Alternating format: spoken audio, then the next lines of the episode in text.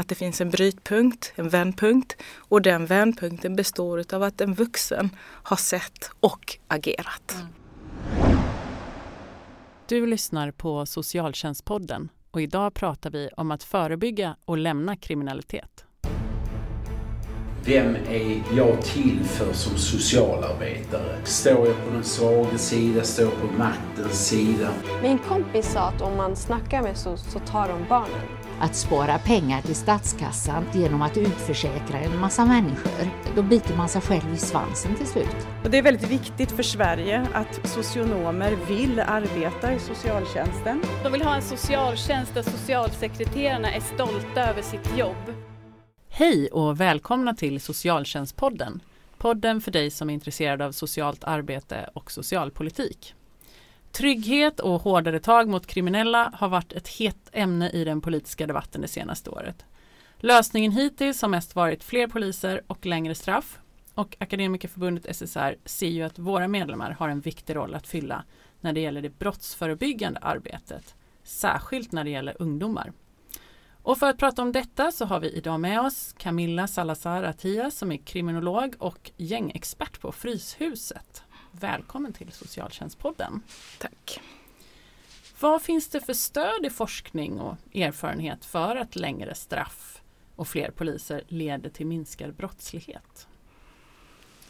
Ehm, det som det finns stöd för som minskar brottslighet är att uh, chansen att bli påkommen för ett brott och också att man har uh, att man blir straffad, att, att det blir en påföljd på brott. Att det blir en konsekvens av det att man det gör. blir en konsekvens, precis. Det kan man se har den största effekten. Mm. Så att, ehm, då kan man ju säga att om det finns fler poliser som kan utreda brott mm. eh, så, så finns det en, en ja, då, då, spelar det en roll att ha fler poliser. Även så om det finns fler poliser som råkar vara på platser där det begås mer brott. Mm. Då skulle det också kunna minska brottsligheten. Men att i allmänhet sådär bara rent, bara ha massa poliser. Det är inte liksom effektfullt. Och likadant att ha längre straff eller strängare straff eh, har vi sett eh, inte har någon större effekt. Det är inte någon avskräckande effekt på det. Nej. Om man tittar som skräckexempel i USA där man har upp till 350 års fängelse, straff och så vidare det gör ju inte att man liksom inte begår det brottet. Utan eh, det finns där som en konsekvens. Har man otur åker man fast. Mm. Och det är, där, det är där det då kommer att spela roll. Den där har jag otur-delen mm. påverkas ju av hur bra vi är på att utreda brott helt enkelt. Så både att om poliser är i en miljö där brott begås eller kan begås så är det större chans att man låter bli just för att man inte vill bli påkommen. Ja, eller om de har eh, tillgång till eh, teknik ja. eller om de har eh, möjlighet att utreda. Vi ser nu att det finns den brist man pratar om kring poliser mm. handlar mycket om att det kräver väldigt stora resurser att utreda grova brott. Mm. Och om man ska ha alla de, för att ha alla de resurserna så, så, så blir det färre ut, ute. Liksom. Så mm. det är där man skulle behöva en större polistäthet så man faktiskt kan reda ut det brottet. För det blir så att om inte brott blir utredda och om det inte blir några konsekvenser då skickar man ju signaler att du kan begå de här brotten och mm. ingenting kommer hända. Och det är för det kommer ju, bli preskriberat för att det bara kommer Ja, eller preskriberat och... eller de kommer, de kommer um, bevismaterialet mm. eller det kommer inte räcka. Eller, och då skapar det en, en jättestor otrygghet och också en känsla av att um, ja, man, att man kommer undan. Men om man är duktig på att liksom straffa eller hitta och så vidare. Då det skapar liksom en känsla av att mm, det är inte så enkelt. Liksom. Så fler poliser är relevant, fler poliser på rätt platser. Precis. Och i rätt verksamhet är relevant krav. Men att ha hårdare straff ger inte, påverkar inte kriminalitet. Nej, det, man ser, alltså det, det, det, det påverkar är ju att om man har en person som är brottsling och har ett brottsligt beteende, om den personen tas ur sitt sammanhang mm. och är bakom lås och bom, liksom, då kommer inte den kunna begå brott under den tiden. Så den brottsminskningen kommer ju ske. Ja. Men om den här personen inte liksom får en, eh, en schysst chans att komma tillbaka in i samhället, då kommer vi börja om från noll igen. Mm. Och det där hade haft mycket större effekt om vi var bättre på att få in personer, alltså vad vi kallar för både utsluss och insluss beroende på.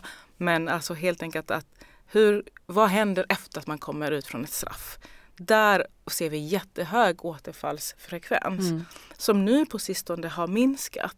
Och det minskar, tror jag, för att vi jobbar mycket mer medvetet med olika program inom kriminalvården för att då eh, se på vad är det för typ av beteende vi behöver ändra Mm. eller vad är det för vad ligger ba- bakomliggande orsaken till att man har hamnat där. Men det är fortfarande problematiskt för unga att komma tillbaka med till exempel jättehöga skulder Mm. eller med att de inte har, har fått tillgång till eh, någon slags rehabilitering för att de just har begått grova brott eller för att de är gängtillhöriga. Då minskar utbudet inom Mm. kriminalvården. Vad anser du då är det som behövs för att färre unga människor ska ägna sig åt brott och kanske då särskilt organiserad brottslighet? Ja precis och det är en superrelevant fråga för då går vi tillbaks till varför hamnar man där liksom, Precis, istället för att jobba med innan hamnar där. symptomen. Ja. Liksom. Och då um, de flesta, så vi, eh, om man tittar, det som är den allra, allra största riskfaktorn och det som, som slår ut allt annat det är att eh, ungdomar eller barn går ut grundskolan. Mm. Det, är liksom, det finns ingenting som är så viktigt som skolan.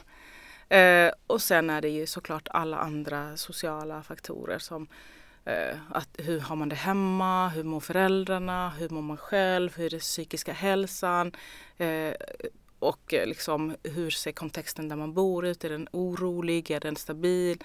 Allt det där spelar roll. Men i slutändan, klarar man av skolan och kan man gå vidare i gymnasiestudier då har man, ehm, då har man en väldigt mycket större förutsättningar att inte hamna i kriminalitet. Så eh, egentligen så är ju där, det är där vi ska lägga de största resurserna. På barn egentligen, barn i Ja. grundskolan och innan grundskolan. Ja, och, och rent krast så kan man ju tycka att liksom, i Sverige har vi en gratis skola Mm. hela vägen. Alltså är det en enorm investering vi gör. Och att då inte hålla, hålla och se till att den investeringen faktiskt går hela vägen för att sen då börja bli en produktiv medborgare är ju rent idiotiskt helt Mm. enkelt. Så att, eh, att till att unga klarar av skolan, stött, stötta dem i skolan och se hur, på vilket sätt vår, vårt jobb är ju att de går ut skolan och Mm. inte tvärtom. Mm.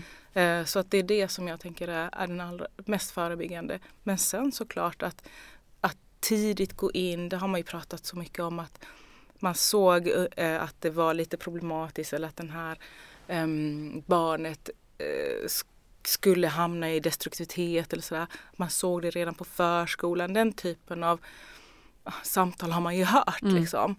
Och då blir man ju frustrerad och man tänker varför gjorde man ingenting? Och, och där är det ju lite dubbelt. Ibland har man ju faktiskt gjort. Men många gånger så har det liksom tänkt att ja, det, det blir kanske bättre i skolan. Ja. Och så kommer man till skolan och så, så är det så mycket ändå, och resurser och allt vad det heter. Och så glider man igenom nätet även där så att säga.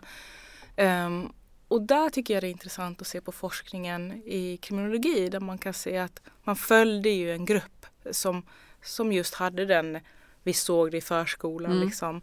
Och så följde man dem upp i vuxen ålder och säg att det var tio personer. Av de tio så hade alla, såg det ut för alla tio att gå illa. Men efter då när de var, väl var vuxna så hade det gått illa för fem av dem Mm. men inte för de andra fem. Och då blev man så aha, vad hände? Mm. Vad var det som gjorde att det gick bra för fem av dem?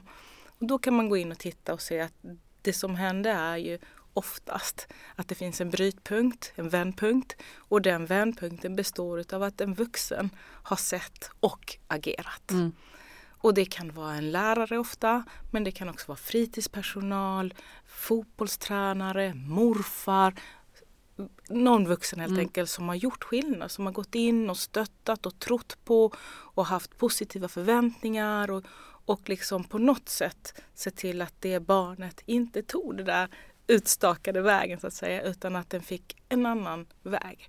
Och det ger ju hopp, speciellt inom yrken som då socialarbetare, skolor och så vidare, att veta att det går. Mm. Det är inte kört, även om man kan tycka att, att förutsättningarna ser jäkligt dåliga ut, så går det. Och då är det ju bara att vi, det räcker inte med bara att se, utan vi måste, måste agera. Också. Mm. Mm. Men också hoppingivande för, tänker jag, civila samhället som ju ja, du precis. också representerar att det kan göra skillnad att man agerar som tränare eller som eh, scoutledare mm. eller vad man nu är för någonting. Ja, även om man tycker att men kanske ska jag inte gå in i det här så är det det som faktiskt också kan göra avgörande skillnad. Precis, och att bli sedd och mm. att bli bekräftad. Att känna att man har en plats i samhället. Allt det är ju det som gängen är så duktiga på. Mm. Och om vi skulle vara lika duktiga på det så skulle de aldrig gå till destruktiviteten. Och det är det som jag tycker är så viktigt att komma ihåg att när vi pratar om gäng så pratar vi inte om ett fenomen som är annorlunda än våra egna gäng. Mm. Vi har ju egna gäng, vi har vår familj som ett gäng, vi har vår arbetsgrupp som ett vår, gäng, vi har vår förening som vårt gäng och så vidare. Och i brist på sådana positiva gäng så söker sig alla människor till något typ av gäng. Och där man, där man känner sig hemma eller där man känner igen sig. Mm. Där man känner sig trygg utifrån att man inte ska, kommer bli dömd eller, eller uttittad eller vad det nu kan vara. Man får ha en plats. Man har en plats men också där man liksom inte känner att, att man liksom är annorlunda liksom, eller att man är misslyckad. Mm. Utan där man känner att man har en plats och är, är någon att ha. Liksom. Mm. Och det är det som är liksom egentligen lärdomen från gängen. Hur gör vi positiva gäng och hur skapar vi så att alla har den möjligheten och platsen?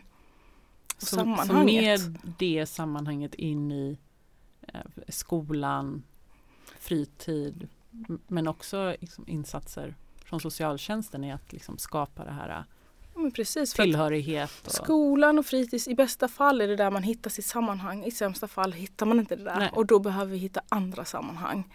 Och det är intressant att se även om man tittar på lyckoforskningen. Liksom. Vad skapar lycka? Och när man tar bort alla och till slut hittar liksom kärnan, då är sammanhang mm. det som skapar lycka. Och det är det som vi som människor söker någonstans. Men på Fryshuset då, ni skapar ju sammanhang får man säga för en mängd olika eh, personer, åldrar, inriktningar. Eh, men ni har ju olika verksamheter som riktar sig mot unga personer som riskerar att gå in i organiserad brottslighet men även personer som vill lämna eh, destruktiva sammanhang. Och hur gör ni det då? Rent praktiskt. För jag antar att det går att utgå lite från det du säger nu just den Ja men precis, vi kan säga att vi, precis som du säger så jobbar vi med alla unga som liksom i, i olika sammanhang. Liksom, vi har en stor skola, vi har fritidsaktiviteter eller passioner som vi kallar det för och vi har liksom ja, andra riktade insatser. Och det är väl det att vi har både så främjande, förebyggande och riktade insatser. Mm. De riktade är ju de sociala verksamheterna som, som jag ansvarar för. Och där så finns det liksom bland annat då riktade till personer som är på väg in i gängkriminalitet eller som redan är gängkriminalitet. Och där är det ju så att vi har, vi jobbar med när man vill hoppa av ett gäng, då är det viktigt för oss att man är motiverad, att man faktiskt vill det. För att, att göra det innebär en så otroligt stor förändring och eh, så många delar som man måste jobba med. Så att eh, om du inte är motiverad så kommer du inte lyckas helt enkelt. Nej. Det är lite som vi brukar säga ibland, har du försökt att Sluta röka. Har du försökt att börja idrotta?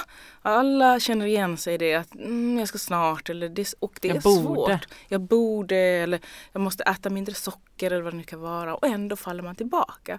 Tänk dig då att du ska göra den typen av förändring gånger tio. Mm. Och hålla i och inte falla tillbaka. Det kräver inte bara din motivation men det kräver mycket stöd. Därför har vi byggt en avhopparverksamhet som jobbar med att stötta eh, personer som vill lämna otroligt mycket i början. Så vi har möjlighet att stötta, stötta dem 24 timmar om dygnet. Mm. Eh, men ofta så handlar det om att man, man jobbar liksom åtta timmar om dagen kanske med dem. Men det finns även möjlighet för den typen av insatser. Just för att vi vet att det är så tufft. Och då handlar det om att liksom bryta kriminella tankemönster. Det handlar om att kanske lära sig hur systemet funkar om man är i systemen. Eh, det handlar om att eh, trygga om man är rädd, om man känner att man känner sig hotad. Och, och så vidare och så vidare. Så att vi jobbar med dem på individuellt, liksom en och en.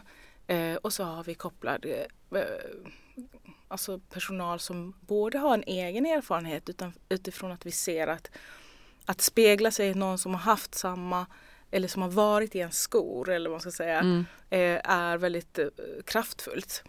Eh, och då se vart kan jag komma liksom. Men samtidigt har vi också liksom kuratorer och psykologer, läkare, all annan personal som kan behövas finns tillgänglig för personen då under sin resa.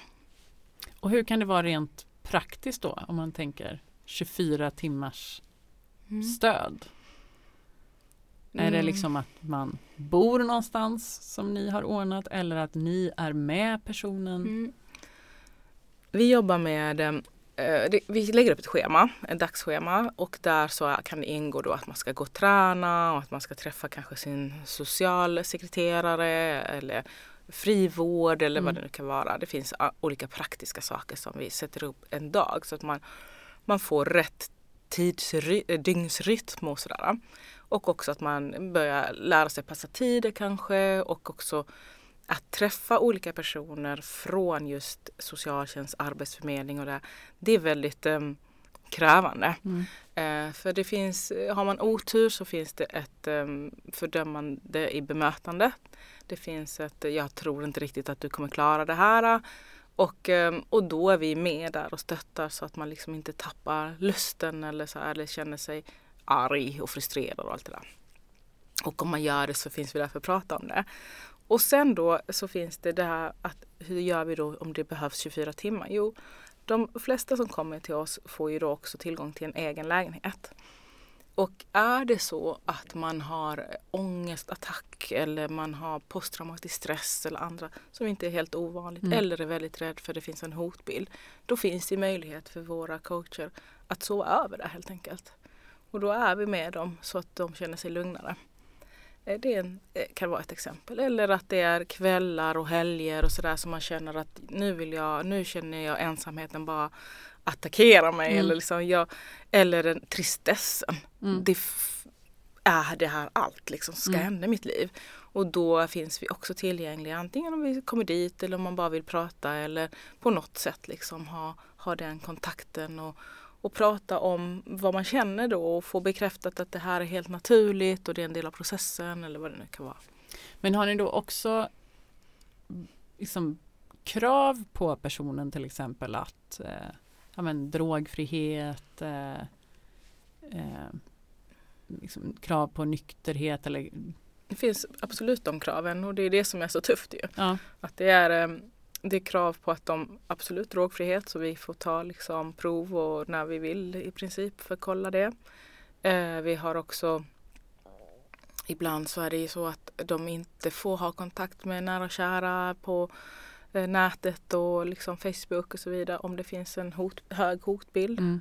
Eh, så det finns massa delar som man ska och det finns också i, i upplägget, alltså det är en men vi kommer tillsammans överens om vad vi ska uppnå och vad som man behöver göra för det. Och där finns det liksom steg att ta. Mm. Och i det så mäter vi också motivationen hela tiden. Är det så att du inte är beredd att vara drogfri eller liksom in, sluta gå ut eller vad det nu kan vara. Men då är du kanske inte tillräckligt motiverad för att göra den stora förändringen som det krävs. Så att det, det är en, en, en utmanande eh, period och det är, eh, det är också eh, ja, det är också de som inte klarar det. Men när de väl är liksom, när de börjar se effekterna och de börjar förstå liksom eh, Och vad kan det vara för effekter? Ja men effekten av att, av att vara drogfri, effekten mm. av att du av att uh, känna att du inte är hotad hela tiden och i, i förlängningen kan det bli att du börjar få kontakt med dina med din familj igen eller dina barn igen eller mamma och pappa jobba eller det finns ju massa som har kanske försvunnit på grund av ditt tidigare liv. Mm. Och när du då får tillbaks det så kan det, det finns ju massa liksom positiva, positiva, effekter ja. som, som man känner att, som är stärkande då för att, för att fortsätta den Mm. vägen man har valt. Och vad brukar liksom målet vara? Vad är, Ja, vad är, men- vad är utgången från?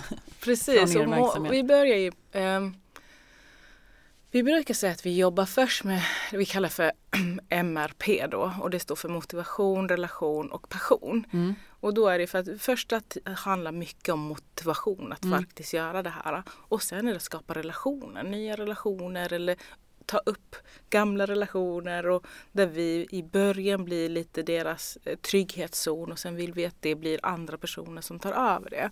Och sen passion, det är för att vi ser att för att hitta det här sammanhanget, det här nya sammanhanget eller sammanhanget, då måste vi hitta vad är det som, som driver dig, vad är det som gör dig lycklig, vad, är, vad finner du liksom din, ditt sammanhang. Mm. Och då är det liksom, i vissa fall har det varit dans, andra har det varit musiken, andra har det varit att producera, i tredje har det varit att liksom kanske bygga eller vad. Och, och i det så hittar vi liksom drivet Mm.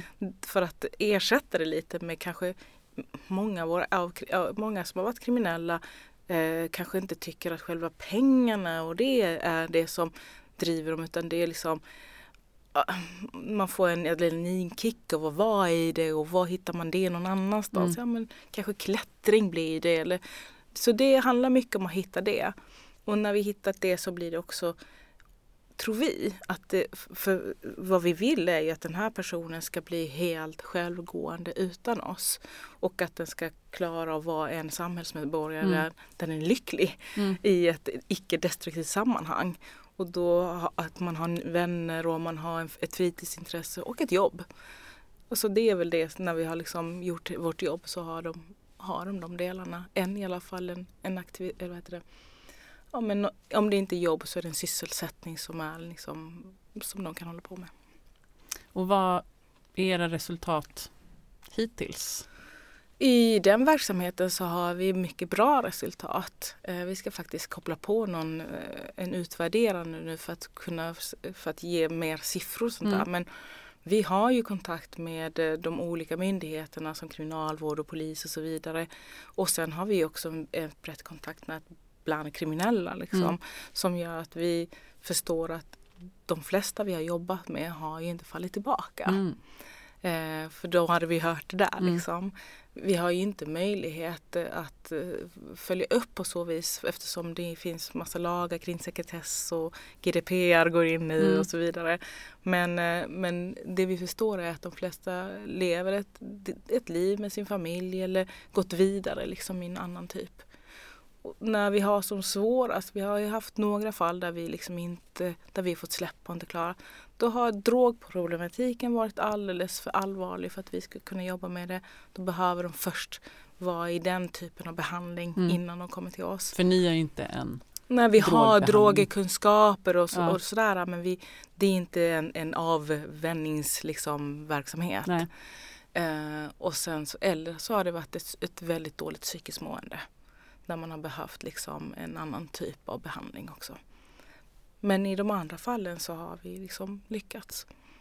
Bra. Och vem betalar det då? Eller vem är det som, ja, men som sätter in er? Eller kan man liksom själv komma till er och säga jag behöver er hjälp? Ja, och där är det lite olika och det är också någonting som vi har drivit väldigt hårt. Eh, vi började som ett arvsfondsprojekt Ja. och sen så efter när pengarna tog slut där så var det ganska svårt för oss. Eh, men tanken är ju så här att vi gör ett uppdrag åt socialtjänsten. Mm. Eh, och socialtjänsten betalar för det uppdraget för att då den här personen sen ska bli självgående. Eh, det har varit väldigt svårt att få till i de flesta fallen. Det som har hänt då för några år sedan var ju att regeringen ehm, ehm, alloc- ja, tog ut eller la undan fem miljoner per år för att man skulle jobba med den här målgruppen. Ja. Och ur de fem miljonerna så kunde em, socialtjänsten söka. Om de hade en, en person som, som, som var gängkriminell. Ja, men jag har en person här och då kan man söka hos polisen. Så gjorde en bedömning. Är den här personen rätt målgrupp? om man då valde passus så kunde man då, ja, så var det därifrån liksom finansieringen kom. Eh, så det har varit den typen av, av, av finansieringsmöjligheter. Sen har vi haft många avhopp från Göteborg. För att i Göteborg har man haft något som heter kunskapscentrum. Mm. Och där har man haft en avhoppardel. Och de har godkänt, liksom man ska säga. Så att där har vi de socialtjänster som har vänt sig dit eller som har haft kontakt med dem.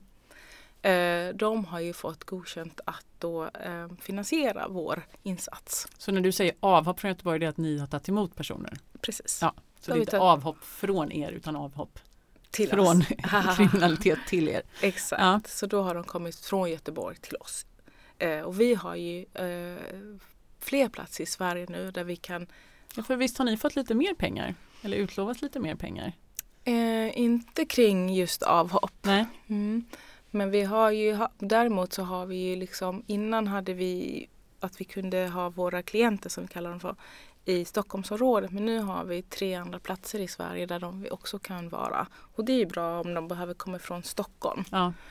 Eh, så att, eh, men annars så har vi krigat för vad vi skulle önska är att det finns mandat, kunskap och resurser i form av pengar för när en avhoppare kommer till socialtjänsten. För att idag ser det väldigt olika ut Mm. när socialtjänsten går in och oftast inte då. Och då tror jag att om man hade en pott pengar större än de här fem miljonerna för de tar ju slut i början av året liksom.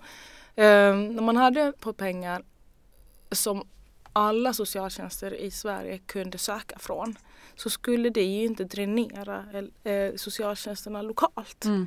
Och vi ser ju att många avhopp kommer från socialtjänster där det redan har höga, liksom, eller många och svåra problem liksom. Som då någonstans, tror jag, känner att de måste, eftersom de har ett års budget Mm. så måste man ju välja liksom, eller nästan så här, här ett avhopp är väldigt dyrt. Mm.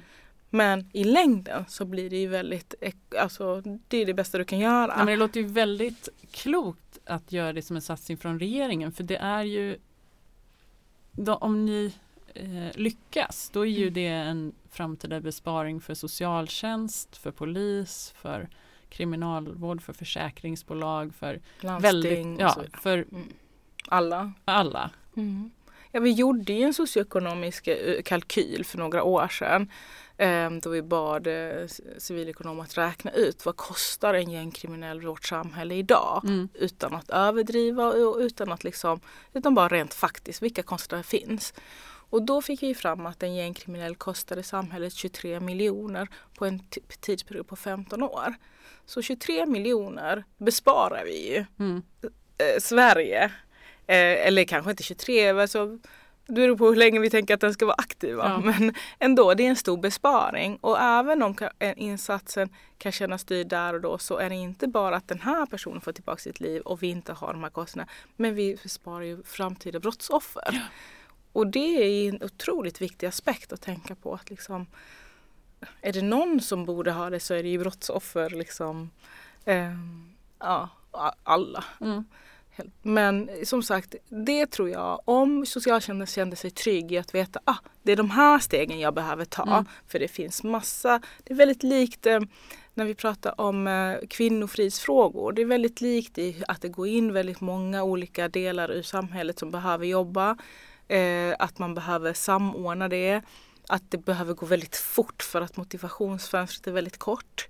Eh, alla de delar är eh, lika och då skulle man ju tycka att man kunde använda sig av den typen av modell med ändå en finansiering för det.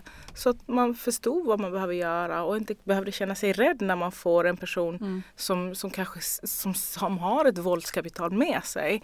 Ja, för dels är det det, det tänker jag också kan Mm. vara ett, ett stöd för socialsekreteraren eh, när ni är med för att det också det kan vara skrämmande. Eh, men också att eh, det är många utmaningar man träffar i en person som kan känna så här, "Åh, vad har vi för resurser för att hjälpa den här personen? Mm. Att det är också en tillgång eh, och ett, är bra för liksom alla inblandade att man kan säga tydligt och klart att det finns det här Mm. och det låter som att du skulle eh, passa för det. Exakt. Så att man slipper, jag måste kolla och kanske har vi det här. Och, Ja men precis, att, att veta liksom vad är det för steg jag måste ta för att trygga dig, för att trygga din familj eller vad det kan vara. Mm. För det finns ju fler inblandade ibland. Det finns barn och det finns flickvän och så vidare. Och sen så är det också att, eh, att veta vad finns det för, för hjälp. ja. Och också så här, ja och det kostar det här men det är lugnt för det finns en, en vi har tänkt på det. Mm. Så det är det som vi har. För att vi hör väldigt ofta att nej det går inte, den faller mellan, den är inte drogberoende Nej. och den inte, ingår inte i ung eller vuxengrupp eller du vet så här, den faller mellan olika stolar och till slut får de inte hjälp. Och, om vi, och vi kan ju eh, försöka hålla i och övertala och så vidare ett tag. Det har vi en finansiering för. Men när, det, när vi får ett nej så är det så här, ja, vad ska vi göra? Mm. Eh, för det är ju en sån sak som en del som vi har pratat med säger är en utmaning just att jobba med, eh, med kriminella från socialtjänsten. Att man inte har ett uppdrag att jobba brottsförebyggande. Exakt. Och det förstår jag. Och det är det som många upplever också att man, man alltså för en, en person som har varit så djupt in i kriminalitet att gå till socialtjänsten det är, så, det är svårt att förklara hur stort steg det är. Mm. Man har haft ett otroligt hat och förakt mot myndigheter väldigt länge ofta.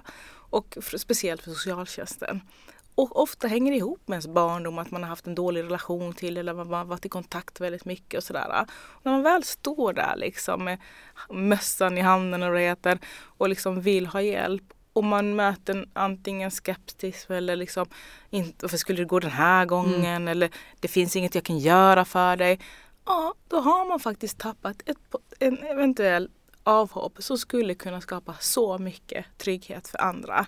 Så det är jätteviktigt att komma ihåg att varje gång, oavsett om det är den hundrade gången, så behöver man vara yes, den här gången ska vi klara det. Mm. För det kan vara den gången liksom. Och samtidigt så har vi 290 kommuner med väldigt olika utbud i vad man kan ge. Absolut. Och, och där tänker jag också väldigt olika när man träffar på den här Ja. typen av problematik. Det är därför vi vill ha den här kunskapen kopplad också. För att man ska, om man bor i en kommun där man aldrig har sett ett avhopp och plötsligt får det, då ska man kunna känna sig trygg och ringa till vad vet jag, om det sitter en central eller det behöver inte sitta på någonstans men att det finns ett antal personer som är duktiga på det här. Som man kan ringa och säga, hej hur gör vi inom socialtjänsten när vi får den här typen av Mm. problematik. Hur kan, vad finns det för resurser och hur kan vi agera och vad behöver jag tänka på? För det är nästan en så här checklista på grejer som behöver okejas Mm. för att personen kan vara så pass hotad att det handlar faktiskt om liv och död. Om, och, det, och många gånger är det så för oss, att det största problemet är att våra klienter kan inte komma till den socialtjänstens kontor för att det ligger precis exakt där hotbilden finns Ja. vilket är i sitt hem. Mm. Man behöver träffas någon annanstans. Och det, bara det kan vara jättesvårt att få till. För att då ser en socialsekreterare att men jag kan inte utsätta mig för någonting. Nej. För att om han är så hotad, då är jag per automatik hotad. Så det finns en komplexitet i det och då skulle man ju önska att vadå, skulle vi kunna göra det på Skype? Skulle vi kunna hitta andra sätt att, att lösa det på? Mm.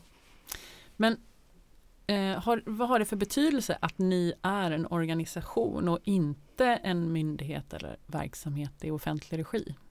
Det har en jätteviktig betydelse. Man kan igen, om man kollar på forskning, sist eh, såg jag en forskning från Danmark där man kunde se att vilka grupper, hur ser det ut, vem påverkar och är närmst en person som är i extremism eller i, i gängkriminalitet. Och man kunde se att de, de som påverkar först är såklart familj och vänner. Men nästa, om man ser det som ringar liksom, nästa ring är just civilsamhället. Och ringen myndigheter ligger i ring 5 Mm. eller 4. Så den ligger väldigt långt ifrån. Och om vi ligger så pass nära, det betyder ju att vi kan snabbast skapa en relation, skapa en, en trygghet och också då försöka se, vår ambition är ju att, att nå till ring 4-5 liksom. Att det ska kännas oproblematiskt. Men så vi jobbar jättemycket som spindeln i nätet eller bryggan in i samhället eller vad man nu vill kalla det för. Just för att vi har en mycket snabbare eh, väg in för att skapa relationer och stå målgruppen, i det här fallet eh, gängkriminella, närmare i det. Men det gäller även ah, andra målgrupper. Liksom. Eh, ni blir ju då och då kritiserade för att en del av era anställda fortfarande är aktiva i kriminalitet. Mm. Eh, vad, vad, tänker du om det? Eller vad säger du om det? Ja, men vi anställer inte folk som är i kriminalitet. Utan vi anställer folk som har varit i kriminalitet också. Precis som, um, och det är för att vi ser att alla förtjänar en andra chans. Uh, och precis som vi var inne på innan, om man nu har suttit inne och sonat sitt straff. Man har sonat sitt straff. Mm. Var, när ska man få annars arbeta? Om man aldrig får arbeta igen för att man har suttit inne, ja, vad har man då för möjlighet att försörja sig på? Så att någonstans så finns det liksom en, en, en komplexitet i det som vi känner att eh, vi, kan, vi har erfarenhet och kunskap inom de här frågorna som gör att vi eh, kan coacha och, eh, och se vad, när någon kanske börjar behöver annan typ av stöd eller sådär. Men vi tror ju på, på att alla med rätt, med rätt verktyg och med rätt stöttning kan förändras och göra e-, ett bättre liv. Mm. Så det är lite också att liksom leva som ni lär? Absolut, och vi önskar att det fanns Plus flera. att det är bra för er verksamhet. Ja, och liksom om det händer att, det, att någon går tillbaks till kriminalitet så får vi mycket uppmärksamhet för det. Mm. Eh, men jag tycker det är ganska orättvist. Det finns kriminalitet i varenda jäkla bransch. Mm. I eran, i polisen, så överallt finns det någon som håller på med någon typ av kriminalitet. Och inte tusan är det hela polisen då som är kriminell för det. Utan då är det en individ och så ser det ut i vårt samhälle. Men i vissa fall så anställer vi ju personer kanske med en högre risk för att vi vill just nå en målgrupp som, som ligger närmre där. Och då har vi, de som har tagit in våra, liksom, vår expertis och sådär, de är medvetna om att det finns en risk i det. Mm. Samtidigt när de flesta eh, återfaller ju inte, eller vad man ska säga. Och då har vi fått in fantastiska personer som, som har otroligt driv och otroligt ja, nya perspektiv i att de faktiskt har fått möjligheten till ett arbete och nu kan ja, men många gånger säga att de vill ge tillbaka och så mm. vidare. Mm. Så att eh, om ingen trodde på det, hur skulle det se ut? Hur, hur gör man då? Då går man miste också om den här Ja, det är som dubbelmoral i ja. det. För man säger klipp dig och skaffa ett jobb som man ju förr i tiden. Och vem ska ge mig jobbet då? Mm. ja, det är ju ofta vara? en utmaning. Ja men precis, det är det som blir utmaningen om ingen är beredd att ta den chansen och, och verkligen ge den möjligheten till personerna som har då i vårt land har vi sagt att man har sonat sitt straff när mm. man har suttit. Eh, om vi går tillbaka till socialtjänsten då. Vad, om vi pratar om de här då som inte är avhopp utan mera som är riskerar eh, eller som börjar ägna sig åt mindre allvarlig kriminalitet om man kan säga så. Vad ser du för utmaningar när det gäller socialtjänstens arbete med, med de unga personerna? Ja, precis. Nu har vi haft ett, ett tag, vissa socialtjänster har i alla fall de här SIG-grupperna eller sociala insatsgrupperna. Mm. Och det tycker jag är en, en jättebra satsning för att fånga upp.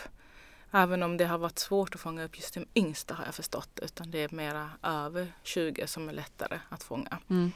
Och det är ju så att om man tittar rent statistiskt på vilka är det som hoppar av så hoppar man ju av efter 25. Och mellan 25 och 35 ligger de flesta avhopp. Um, så att, så att det följer ju bara liksom så som det ser ut. Det är mognad, det är att man har tröttnat och det finns tusen grejer som kommer in där. Men um, socialtjänstens roll med just de unga, det är att jag tänker att det är så svårt för mig att säga som inte har den insynen. Men det jag får höra från de unga är väl oftast att man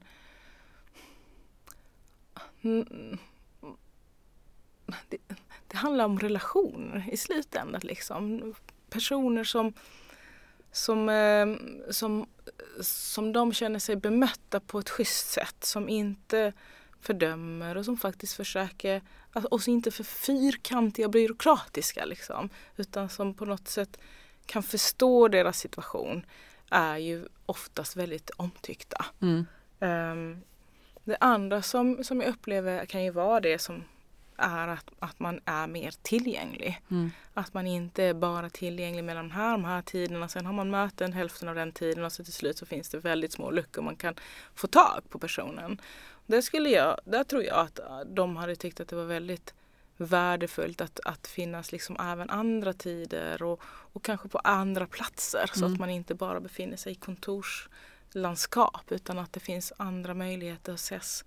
Det tror jag de flesta som där, vi har, där socialtjänsten har lyckats är när man har den typen av approach som är mera ehm, ja, som en fritidspersonal, uppsökande typ eller som finns i närheten där man själv är Mm. eller som också känner till kontexten där man lever i. Det är jätteviktigt att man förstår vad händer i, min, i mitt område? Vad är det för historiskt perspektiv som finns? Vad är det, varför funkar det här och inte det där? Och vad är det som som, ja, men som påverkar min vardag. Mm. Om man inte har det så, så blir det väldigt eh, avlägset. Det är för svårt att komma liksom. Eh, man, man är i olika världar, olika språk, olika på, på många sätt. Så en närmare och mer tillgänglig eh, socialtjänst. Ja, en, en, och också i, i vissa fall så vill man ha en igenkänningsfaktor. Mm. Och jag känner att det behöver inte alltid vara att liksom vi ser likadana ut. Men igenkänningsfaktor kan vara kulturell, det kan vara ekonomiskt, det kan vara på många olika sätt. Och den typen av liksom, det tror jag att man behöver ha med sig. Liksom. Att jag känner igen, precis som jag sa innan, varför når vi målgruppen eller varför jobbar vi med coacher? För att man känner att den personen har varit där jag är och kan förstå vad jag går igenom. Den typen av um, empatisk förmåga, måste säga, den är väldigt värdefull. Eh, när jag har googlat på dig så har jag hittat exempel från flera år tillbaka där du har gått ut i debatten och sagt i stort sett samma sak som du säger idag för att bemöta i stort sett samma krav på hårdare tag eh, som vi ser nu. Vad tänker du behövs för att göra den här trygghetsdebatten mer nyanserad? Och hur orkar du att fortsätta lyfta samma argument år efter år? Faktiskt så har den ibland lite eh, impact. Ja, Eh, i, vad bra. ja, faktiskt. Och det, det, ser, det ser vi liksom. Om man går tillbaka så här 2010 när vi startade avhoppsverksamheten, då visste ingen ens att man kunde hoppa av. Eh, fyra, fem år senare så kom de här miljonerna, man började prata om avhoppsverksamhet Mm. i regeringssammanhang. Och nu bara, jag tror i början av denna vecka så gick regeringen ut så att sen nästa mandatperiod så kommer vi se till att det finns kunskap, mandat och eh, finansiering i kommunerna men även i civilsamhället för att jobba med avhopp. Mm. Och det är liksom det vi har liksom tjatat hål i huvudet på oss för att, liksom, för att få igenom och blir det så så kan jag liksom lägga mig ner och gråta liksom av glädje. för att det liksom äntligen, eh, äntligen går igenom. Men någonstans så blir det så, okej är det så att det behövs liksom mandatperioder för att liksom varje li- liten bit ska komma på plats. Ja, då är det ju värt att fortsätta. Men, eh, men annars så är det ju det att, att vi måste inse att det här är ju en komplex fråga där vi behöver titta på många delar som går in. Mm. Och om vi fortsätter att bara titta, eller om vi fortsätter att tro att vi genom en kriminalpolitik kan förändra det, då är vi fel ute. Mm. Eh, och det är därför jag kan bli så frustrerad. Egentligen så skulle jag tycka att gängfrågor ska ju ligga hos socialpolitik eller skolpolitik. Alltså det är där förändringen kan Mm. ske. Det är där man drar riktlinjerna. Kriminalpolitiken med fängelsestraff eller polis, och så vidare, det är när vi försöker stoppa eller sätta liksom så här tillfälligt plåster. Men det är inte långsiktigt. Det långsiktiga arbetet ligger någon helt annanstans inom arbetsförmedling. Och, så. och då antingen att man lägger det med den typen av tänk Eller att man skapar en, en grupp liksom där man har helhetstänket. Med flera perspektiv? Med flera perspektiv, men där det, det då förebyggande eller främjande egentligen perspektivet är det som är starkast och det är där som det är det som, som kommer leda till bäst resultat helt enkelt. För det är ju lite komplext det här när, när eh, människor skjuter ihjäl varandra och så om man då ska peka på forskning så är det liksom, ja men man måste klara grundskolan och gärna gymnasiet och, eh, och, och, man måste satsa liksom på föräldrar. Att det är mm. lite Ja, det man biter tycker, inte riktigt. Nej, exakt. Och det, det, det, det kan man ju tycka. Samtidigt så kan man vara jäkligt radikal och säga okej, okay, hur många är det vi snackar om? Mm. Som är i den här extrema destruktiviteten. Om vi skulle se till att varenda av dem fick en arbetsplats eller vad det nu är de behöver liksom. Eller förstår du vad jag menar? Då kanske vi kan göra någonting åt det på riktigt. Eller så sitter vi och tänker att alla de här ska straffa ut sig. Vi ska sätta dem och sen, och sen då? Och problemet är, och sen då, om vi fortsätter att, att liksom bara jobba med symptomen så är och sen då vi får precis en ny kull ja. av exakt samma sak. Så då behöver vi vara, vara i det här andra hela tiden för att förebygga att det händer. Vi behöver gå in och säga, vet du vad, vi ska satsa så här mycket på fritid. Vi ska se till att det finns basket, fotboll, dans, whatever för alla. För är det någonting som är eh, som, som, som, förutom skola då, är att man har de här positiva sammanhangen, ledare och så vidare, där man känner att man liksom får vara och där man har ett sammanhang. Så där, lägg alla resurser där. Men jag förstår att det är svårt att se samtidigt som, precis som du säger, att det finns de här extremerna. Men om man tittar på gäng som om det vore en bubbla som kom ner från Mars och tror att det, att det lättaste är att bara Eh, få bort det och spränga bort det och inte förstå att det är bara ett symptom på våra andra handlingar. Då kommer vi inte tackla det här. Det får bli de sista orden i den här eh, podden och tack Camilla för att du har varit med oss och pratat både brottsförebyggande men också eh, åtgärdande arbete. Om två veckor så är vi tillbaka och temat är inte klart ännu. Så fortsätt att tipsa oss på socialtjänstpodden akademissr.se eller på sociala medier. Tack för att du har lyssnat.